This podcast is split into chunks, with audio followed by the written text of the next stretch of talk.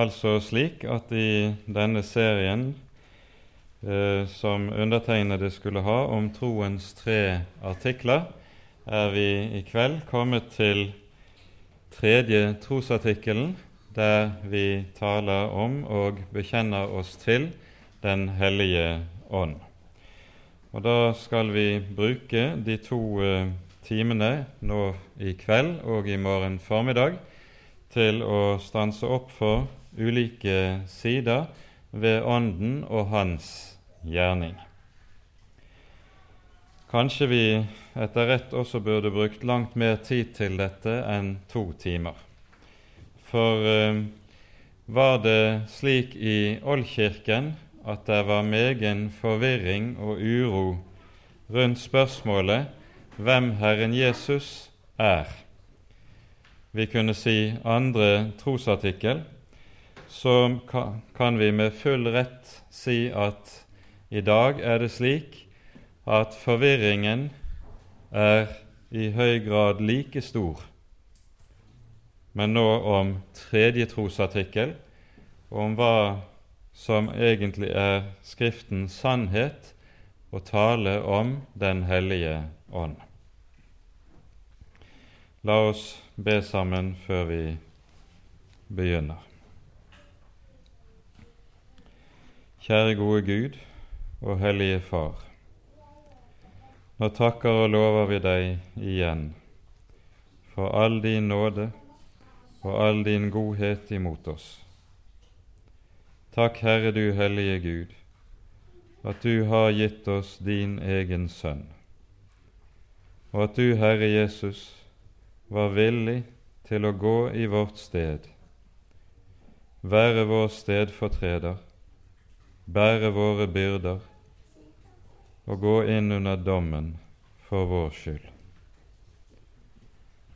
Nå ber vi, Herre, at du også vil sende din Hellige Ånd og være hos oss denne kveldsstund, og at du vil åpenbare ordet ditt for oss at vi må få lære deg sant og rett å kjenne. Vis oss, Herre, din vei, og frels oss fra avveiene. Amen.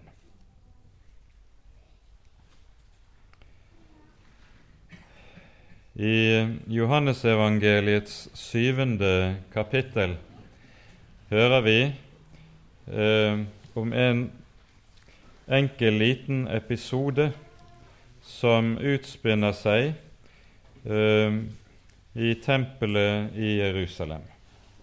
Jesus har reist opp til Jerusalem til høytiden, og den høytid det er tale om, det er løvsalshøytiden, eller løvsalsfesten, som var den siste av uh, det jødiske kirkeårets store høytider. Den faller da i slutten av, av september, begynnelsen av vår oktober måned, der omkring gjerne, og er en høytid som varte i åtte dager. Og så leser vi i, fra vers 37 her i Johannes 7. På den siste, den store dag i høytiden, sto Jesus og ropte ut:" Om noen tørster, han komme til meg og drikke. Den som tror på meg, av hans liv skal det, som Skriften har sagt, rinne strømmer av levende vann. Dette sa han om den ånd de skulle få som trodde på ham. For ånden var ennå ikke kommet, fordi Jesus ennå ikke var herliggjort. Den episoden vi her hører om, har en ganske bestemt bakgrunn. Det var nemlig slik under løvsalenes høytid at på den siste dagen som vi her hører om, tidlig om morgenen gikk det en høytidelig prosesjon bestående av de ledende av prestene i Jerusalem. De gikk ut av tempelet og ned til dammen Siloam. Foran dem gikk levitter med sang og musikkinstrumenter, og folket fulgte så etter. Og midt i prosesjonen av prester gikk øverstepresten med en skål av gull som var tom. Og Så gikk de ned til Siloadommen, og her ble denne skålen av gull fylt med vann, hvorpå hele posisjonen så vendte tilbake igjen til tempelet, mens de sang salmene som vi finner i Salmenes bok, fra salme 113 til og med salme 118. Her er det vi hører omkvedet 'Dette er dagen som Herren har gjort'. La oss fryde oss og glede oss på den. Her er det det lyder 'Den sten som bygningsmennene forkastet, er blitt hovedhjørnesten', osv. Når disse så er kommet tilbake og inn i tempelet, går de opp trappene inn i forgården frem til det store brennofferalteret, der vannet i gullskålen øses ut ved foten av alteret idet en synger sammen lovsangen i Jesaja 12, hvor det bl.a. står slik:" Dere skal øse vann med glede av frelsens kilder.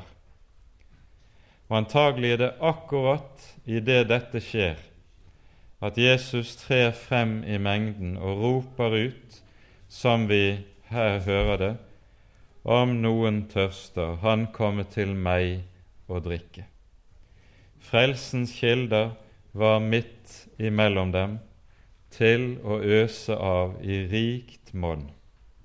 Den kilde som aldri renner tom, den kilde som er åpnet, slik vi leser det hos profeten, mot all synd og urenhet.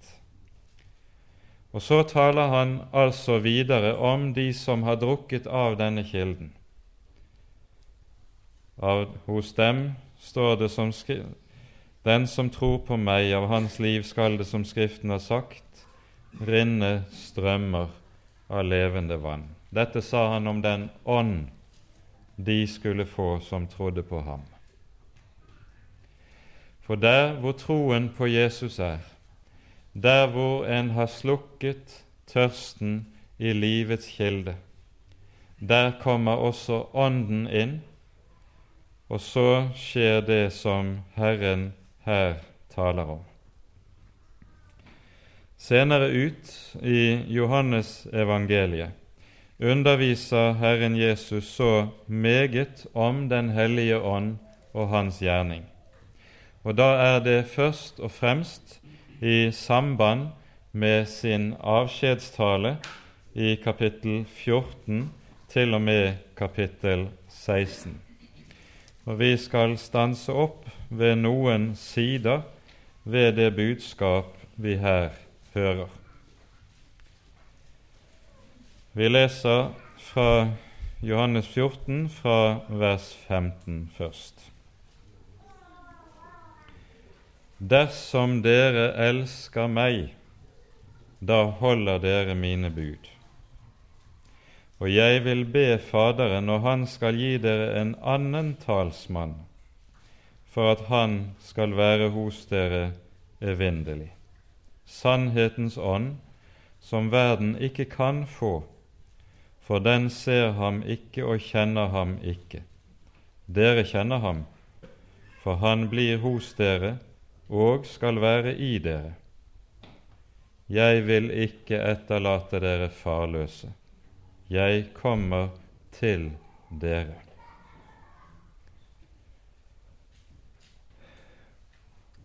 Jesus begynner med dette å undervise disiplene med tanke på at de trenger å forberedes på hva som skjer når han er tatt bort fra dem. Og I kapittel 16 hos Johannes hører vi Jesus si til disiplene det er til gagn for dere at jeg går bort. For dersom jeg ikke går bort, da kommer talsmannen ikke til dere. Det er så å si slik at Jesus etter å ha fullbrakt sitt jordiske virke trekker seg tilbake for at Ånden skal få komme og gjøre sin gjerning. Derfor er det også i Det nye testamentet en nøye sammenheng mellom på den ene siden Kristi opphøyelse til Faderens høyre hånd, og på den andre siden Åndens utgytelse. Når Kristus opphøyes, utgytes Ånden. Og Dette har da også den dypeste symbolske betydning, fordi i dette ligger jo nettopp det som er Åndens særlige gjerning og oppgave. Han skal herliggjøre Jesus.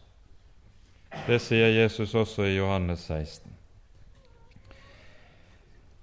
For et par kvelder siden var vi inne på noe av det som sies om talsmannen. Og For kort å repetere ordet talsmann betyr altså bokstavelig en som er tilkalt for å komme en annen til hjelp. Og Jesus kaller her altså Ånden for den annen talsmann. Den som har tilkalt denne talsmann, det er Faderen.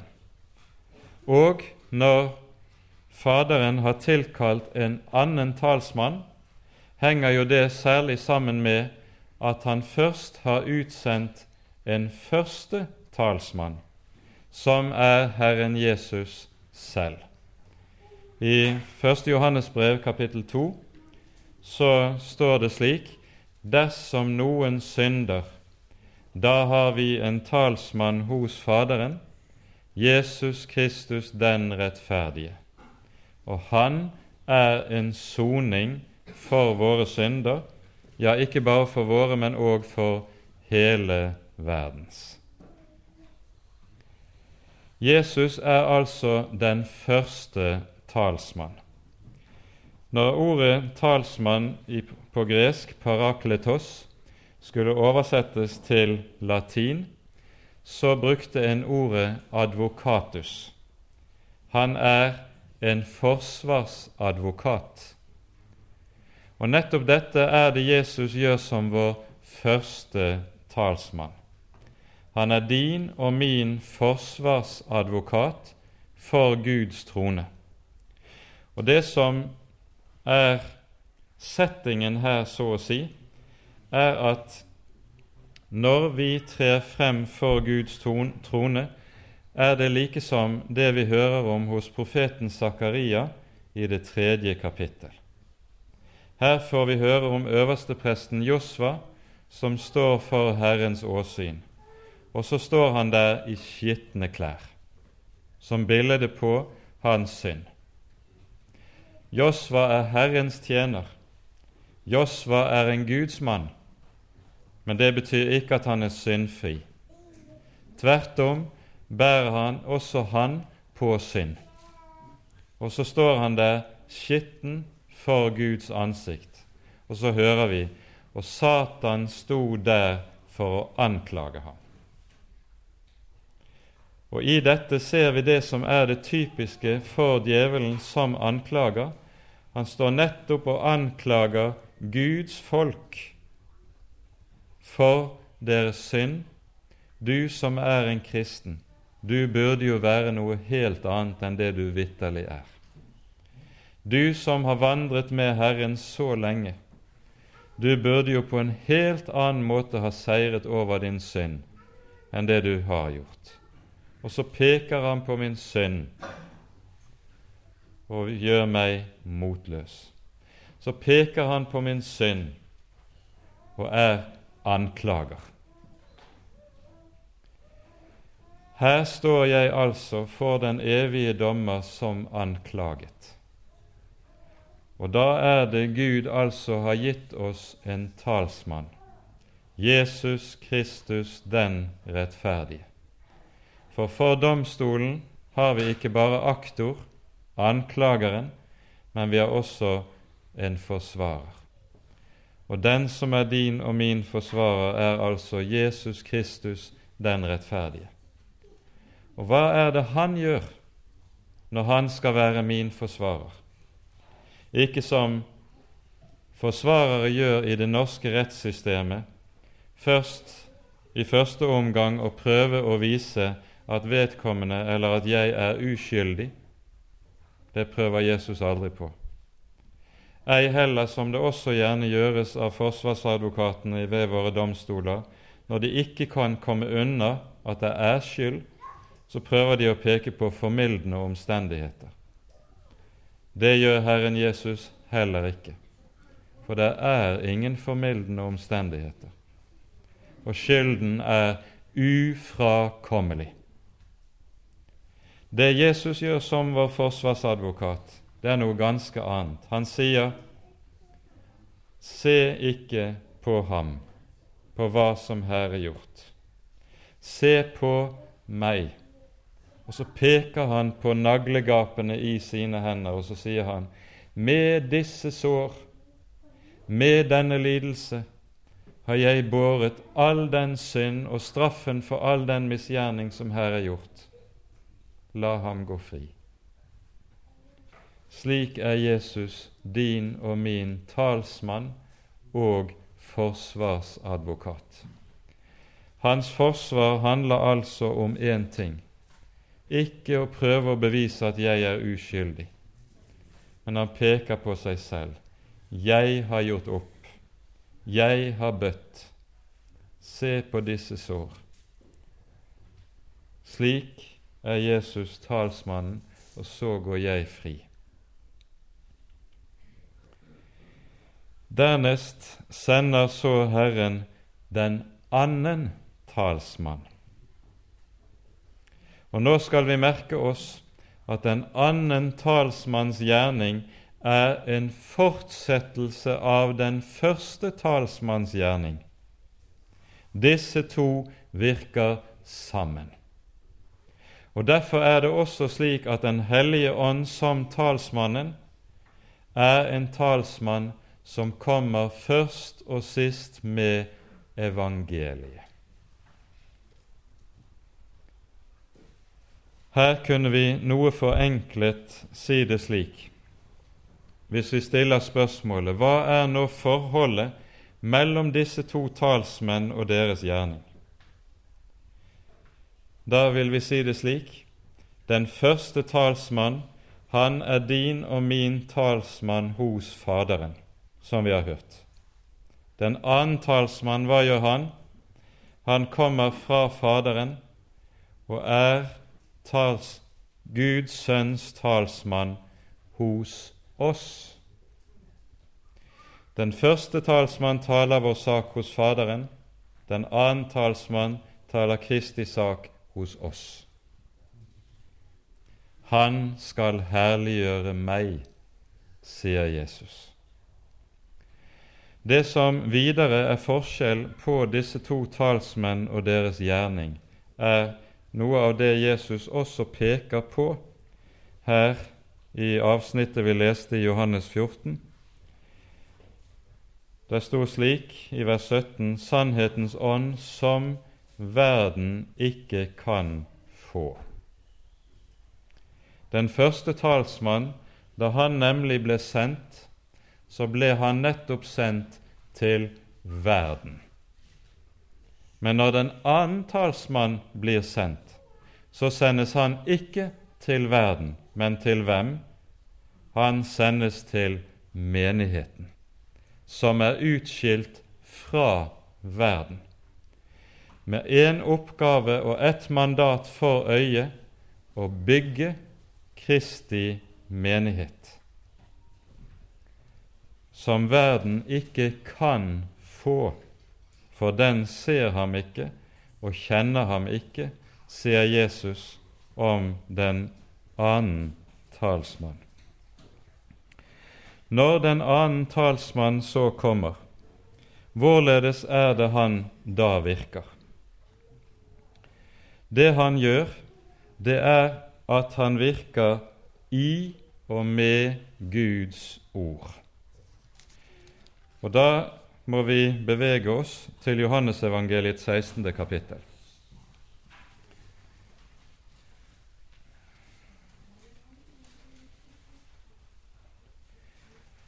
Vi leser fra vers 8, der det står slik Når Han kommer, skal Han overbevise verden om synd, om rettferdighet og om dom.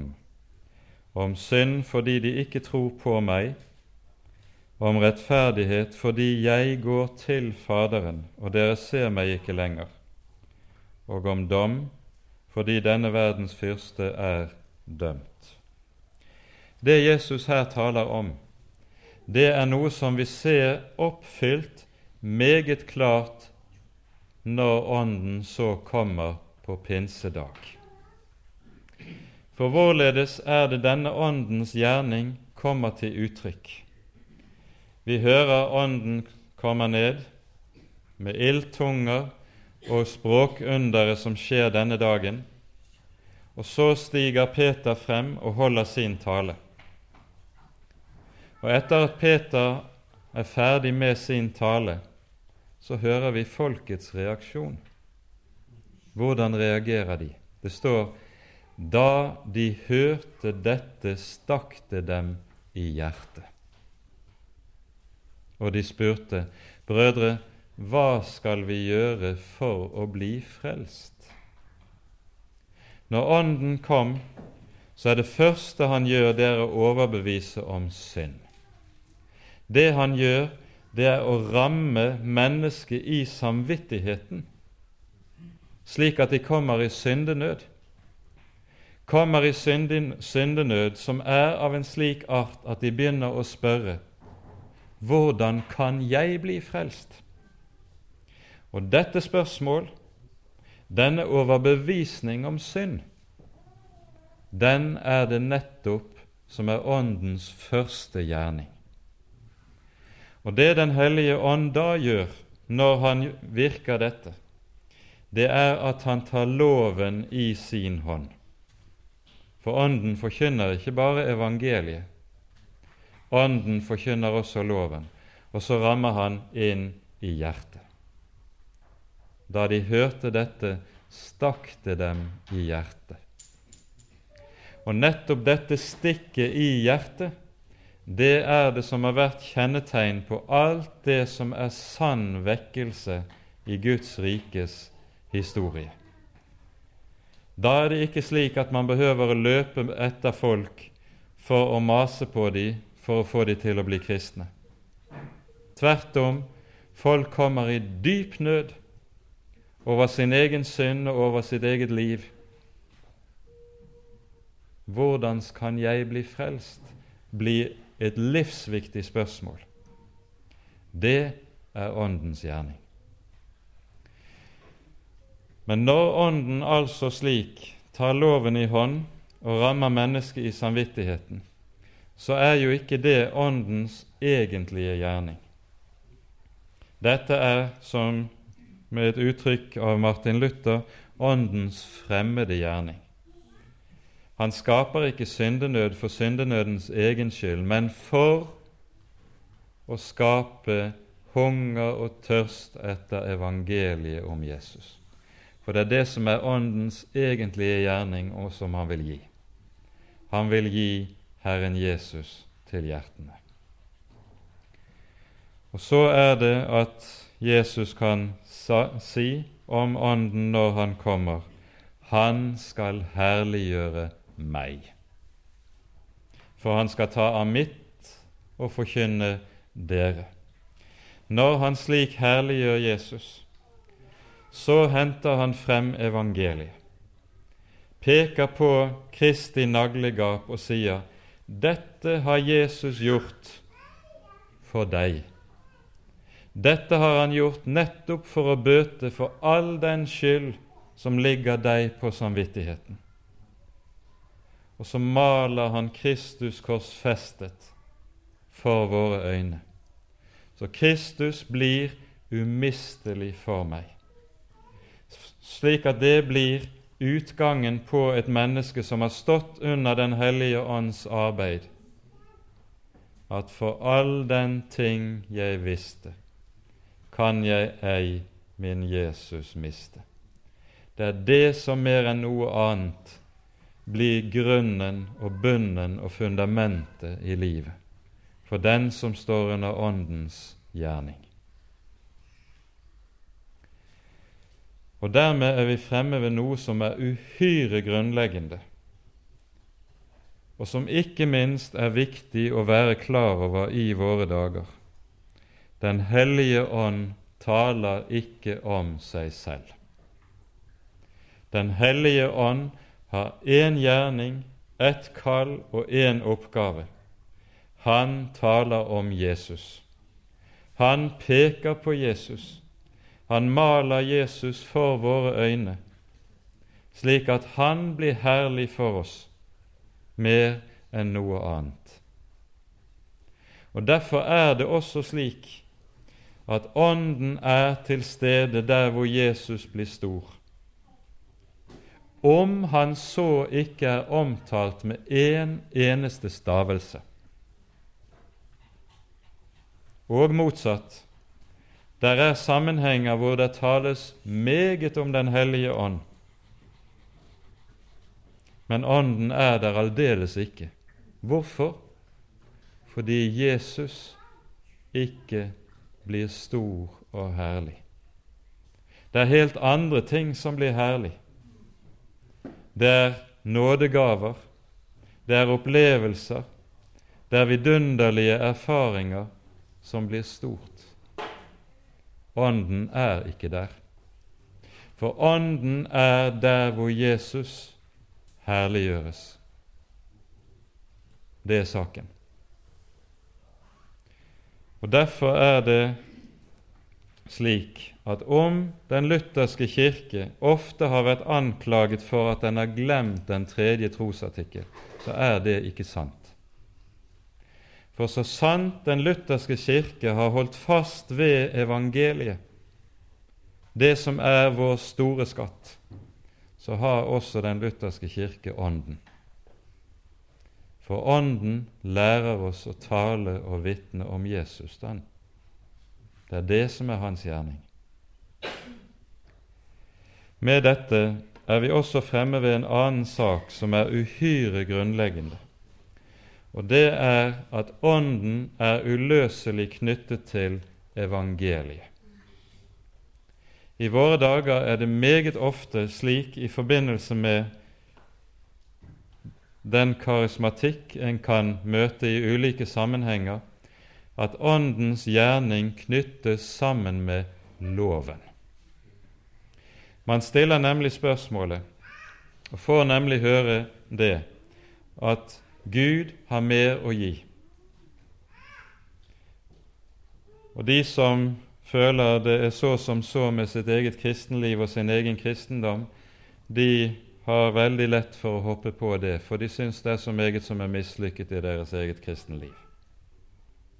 Kom til oss, får vi så høre, for Gud har mer å gi. Og så får du ulike slags oppskrifter på hva du skal gjøre for å få mer av denne hellige ånd, som skal hjelpe deg ut av din mislykkede kristendom. Hvis du bare gjør slik vi sier Du må ha en hel overgivelse. Du må ha større hengivenhet i bønnen. Du må osv. gå lydighetens vei helt til ende alle disse uttrykkene som du kan høre. Bare du gjør dette, så skal du få Ånden. Det en da gjør, det er at en knytter Den hellige ånds gave til loven og sier bare du gjør slik og slik, da skal du få Ånden. Dette er intet annet enn vranglære. For Den hellige ånd kommer aldri som et resultat av lovgjerninger, om de er aldri så fromme og ser aldri så imponerende ut. Når Den hellige ånd kommer, så kommer han alltid med evangeliet. Og Her skal vi minne om hva apostelen skriver i Galaterbrevet i det tredje kapittelet.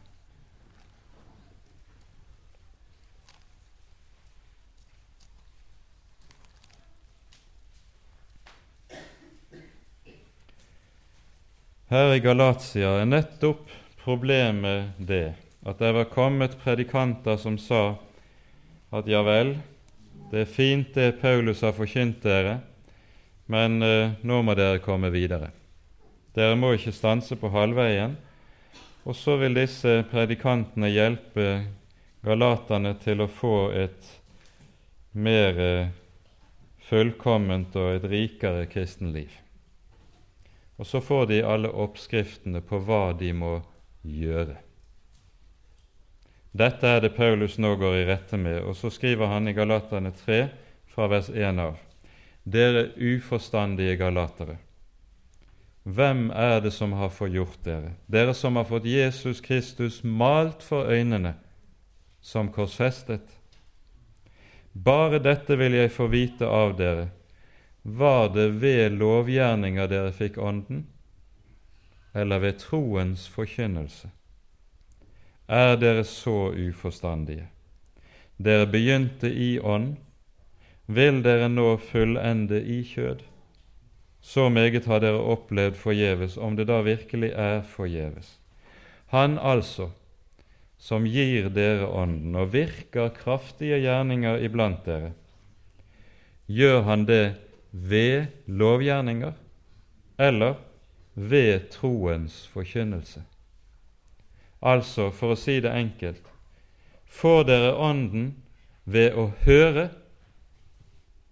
eller ved å gjøre? Og Bare Paulus stiller spørsmålet, så vet de svaret. De fikk evangeliet. De fikk Ånden gjennom å høre budskapet om den Herre Jesus. Det var ikke gjennom å streve med sitt eget hjerte og prøve å bli annerledes. De fikk Ånden og fikk evangeliet. De fikk Ånden nettopp ved å høre det herlige budskap om hva Jesus har gjort, hvem Jesus er for fattige syndere. Slik fikk de Ånden, og slik er det også Ånden kommer til oss på ny og på ny gjennom budskapet i evangeliet om Herren Jesus. Ånden kommer ikke på noe annet vis. Men dermed merker vi oss også at Den hellige ånd, når Han skal komme til oss, så er Han knyttet til ett bestemt middel. Og han kommer aldri utenom og uavhengig av dette middel. Han er knyttet til et bestemt budskap i Guds ord, nemlig evangeliet. Og hvordan er det vi får og tar imot dette evangelium? Dette evangelium kommer til oss på tre måter. For det første kommer det til oss gjennom det lydlige, forkynte eller leste Guds ord. Og Da er det ikke slik at alt Guds ord er evangelium. Det er det For Guds ord inneholder også loven. Og loven kommer ikke med Den hellige ånd slik. Men det er det i Guds ord som gir oss evangeliet om Jesus. Det er det som er bærer av Ånden. Det er det første Åndens middel. Dernest kommer Den hellige ånd til oss gjennom den hellige dåp og den hellige nattvær. For dåpen og nattværen er intet annet enn evangelium som gis til oss gjennom ytre midler. Ånden kommer til oss gjennom disse midler, og aldri, vi understreker aldri, gjennom noe annet. Ånden kommer aldri svevende gjennom løse luften. Luther taler om at hvis det er godt at du ber om å få Den hellige ånd, men sett deg så ikke hen i en krok og vent på Ånden. Hva skal du gjøre? Jo, hent Den hellige Skrift. Les, hør Guds ord, og bruk nådens midler. Så kommer Ånden. For Ånden kommer aldri uten at vi bruker disse nådens midler. Det innebærer også helt konkret at luthersk, evangelisk luthersk kristendom det er nådemiddel-kristendom. Det er en kristendom som lever av og på nettopp dette, at Gud kommer til oss og møter oss utelukkende gjennom nådens midler. Utelukkende gjennom disse. Og Det er uhyre viktig at det understrekes i våre dager, hvor det er så meget forvirret tale om hvordan en skulle få Den hellige ånd. Nei, Ånden kommer gjennom nådens midler. Og disse nådens midler kan vi også godt si slik disse er Den hellige ånds virkemidler. Hvilket betyr og innebærer at når Gud har et arbeid han vil ha gjort her i verden, i sitt rike og iblant sitt folk, hvilke virkemidler bruker han da? Disse nådens midler. Det er gjennom disse Gud virkekraftig er til stede, rekker ut sin hånd og gjør det han har tenkt. Og han gjør ikke sin gjerning gjennom noe annet prøver vi å erstatte disse virkemidler med andre virkemidler for å nå folk, så når vi ikke folk, men vi går i veien for Gud. For det er her og gjennom dette Herren gjør sin gjerning. Og det er gjennom disse virkemidler han også bygger sin menighet og sin kirke på jorden, ikke gjennom noe annet. Jesus sa til Peter etter at Peter hadde avlagt sin store bekjennelse. Du er Messias, den levende Guds sønn. Peter hadde sett og erkjent hvem Herren Jesus var.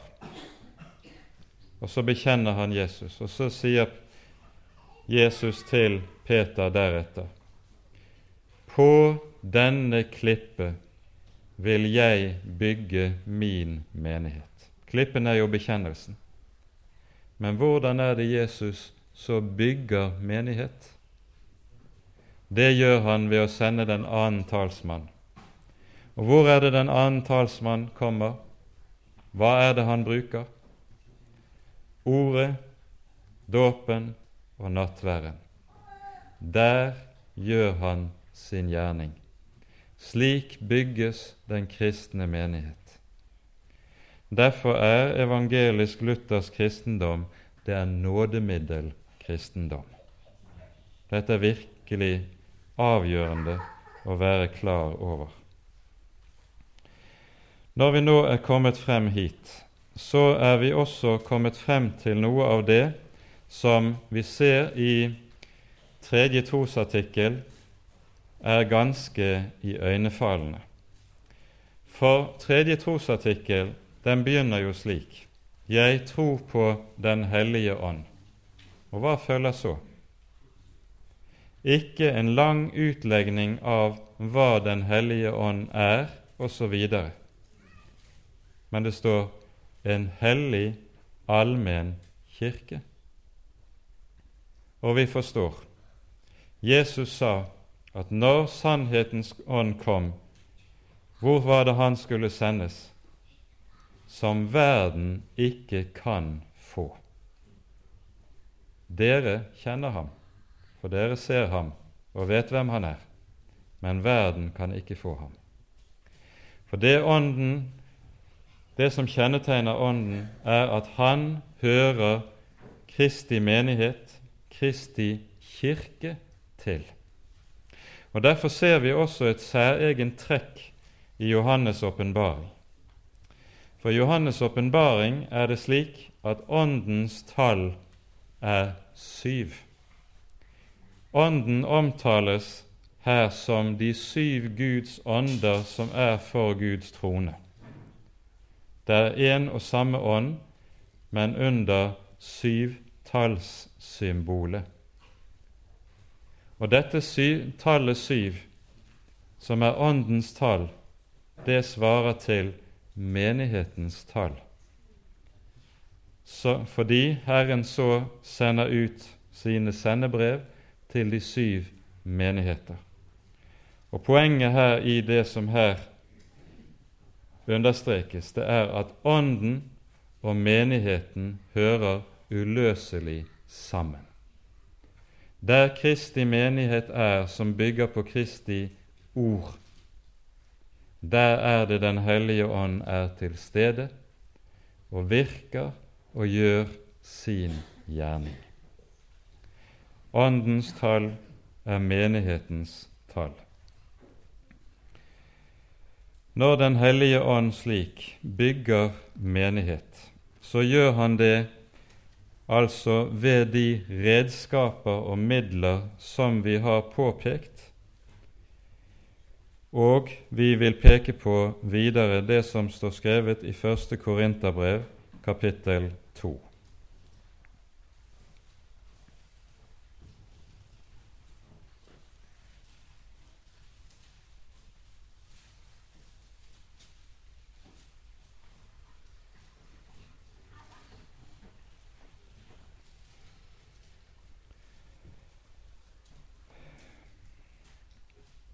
Her står det slik i vers 12.: Vi har ikke fått verdens ånd. Vi har fått den ånd som er av Gud, for at vi skal kjenne det som er oss gitt av Gud. Det som vi også taler om, ikke med ord som menneskelig visdom lærer, men med ord som Ånden lærer, i det vi tolker åndelige ting med åndelige ord. Men et naturlig menneske tar ikke imot det som hører Guds ånd til, for det er ham en dårskap, og han kan ikke kjenne det, for det dømmes åndelig.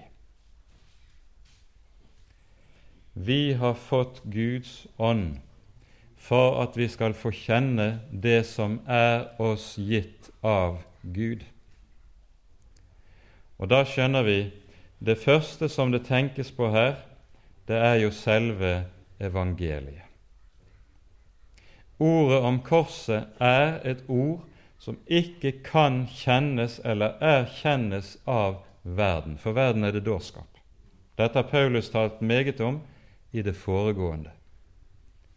Men der Ånden har fått komme inn og skape tro og overbevisning om Herren Jesus, der begynner vi også å kjenne. Kjenne det som verden ikke kan kjenne. Og så ser vi Brått blir det slik at det skapes et fundamentalt skille mellom de som hører Herren Jesus til, og de som hører verden til. Hvem skaper skillet? Jo, det skaper Ånden. For der Ånden er, er ordet om korset ikke lenger dårskap, men ordet om korset er blitt den største visdom, som jeg aldri kan bli ferdig med å se inn i og granske dypere i, for at Herren må vise meg mer og åpenbare meg mer av hva som ligger i den sak. Og så ser vi der Ånden kommer inn, der skapes menighet. Der Ånden kommer inn, der skapes der et nytt folk som er skilt ut fra verden. Og ordet menighet eller kirke i vår bibel, det, det er ordet eklesia på gresk, og det betyr bokstavelig de som er kalt ut av.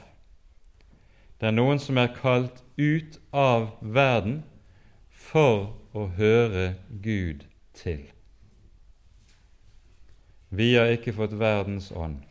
Vi har fått den ånd som er av Gud, for å kjenne det som er oss gitt av Gud. Der er den kristne menighet. Og så ser vi hvorledes Ånden altså er en ånd som setter skille der Han er til stede og gjør sin gjerning. Vi skal avslutte denne timen med å gå til Efeserbrevet og høre noe av dets tale om Ånden. Og Da går vi først til kapittel fire.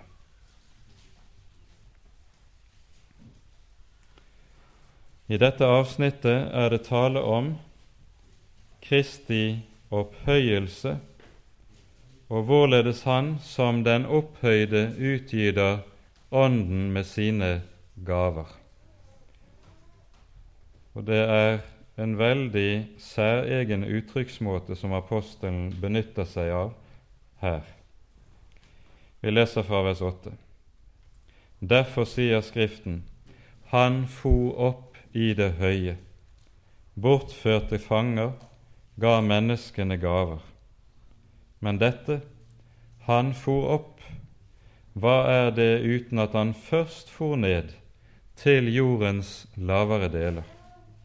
Han som for ned, er den samme som for opp over alle himler for å fylle alt. Og det er Han som ga oss noen til apostler, noen til profeter, noen til evangelister, noen til hyrder og lærere, for at de hellige kunne bli fullkommengjort til tjenestegjerning, til Kristi legemes oppbyggelse. Vi hørte tidligere om hvorledes vi har denne nære sammenheng mellom Kristi opphøyelse og Åndens utgytelse. Kristus stiger opp, Ånden stiger ned. Og hva er det Ånden altså gjør når Han kommer? Det er at Han innsetter og kaller slike som skal gå med Herrens ord. For det er med disse som kommer med Herrens ord, Herren bygger sitt folk og sin menighet. Han er den som gav oss noen til. Og så hører vi om ordets tjenere.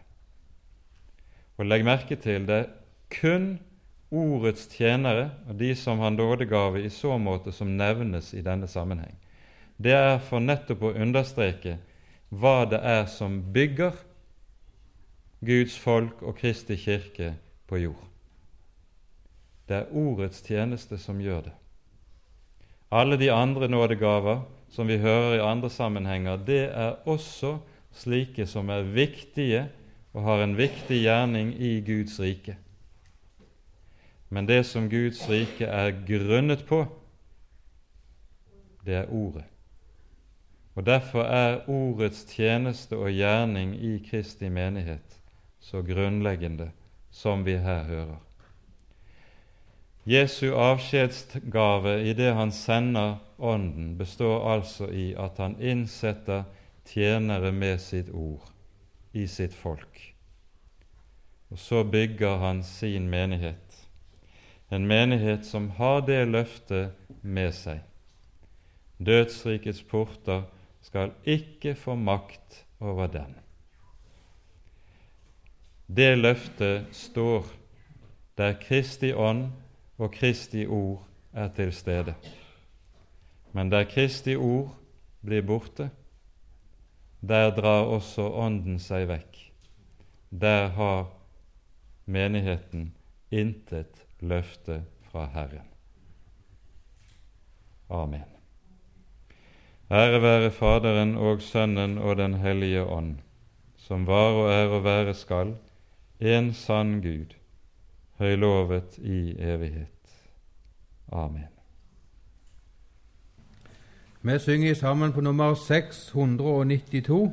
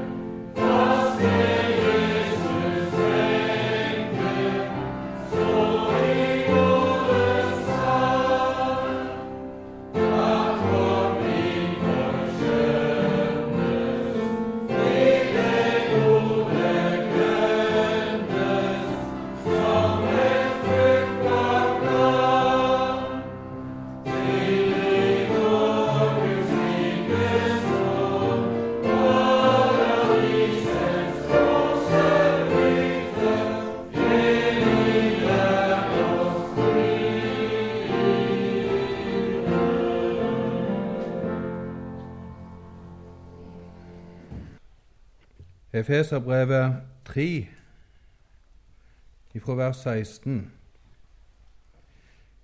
Jeg ber om at Han etter sin herlighets rikdom ved sin ånd må gi dere å styrkes med kraft i det indre mennesket, at Kristus må bo ved troen i deres hjerter, for at dere rotfestet og grunnfestet i kjærlighet sammen med alle de hellige kan være i stand til å fatte hva bredde og lengde og høyde og dybde er.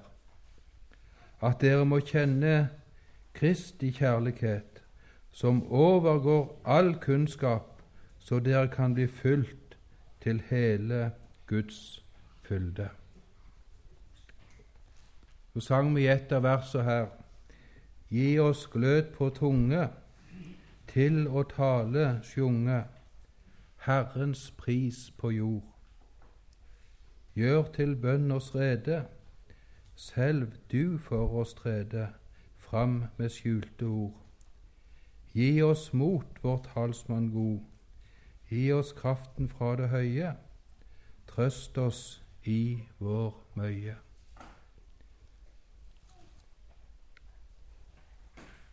Himmelske Far,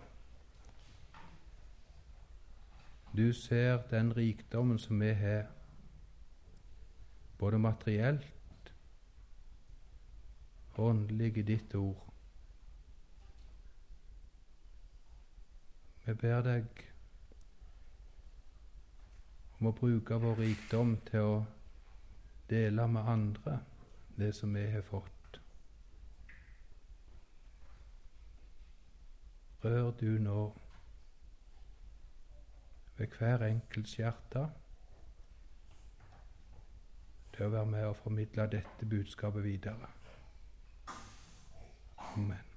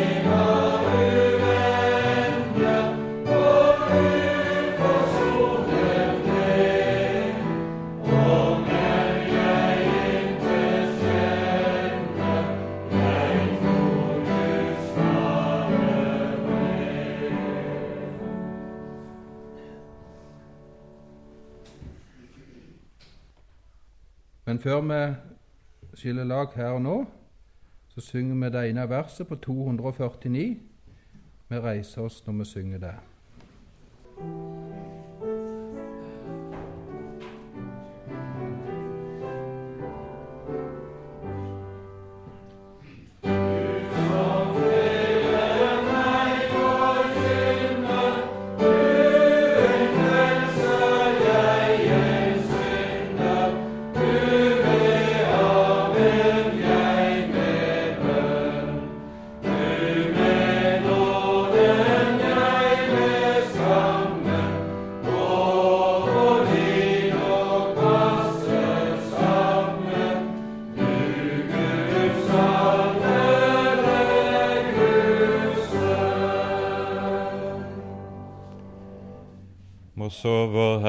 Jesu Kristi nåde, Guds, vår Fars kjærlighet og Den hellige ånds samfunn være med dere alle.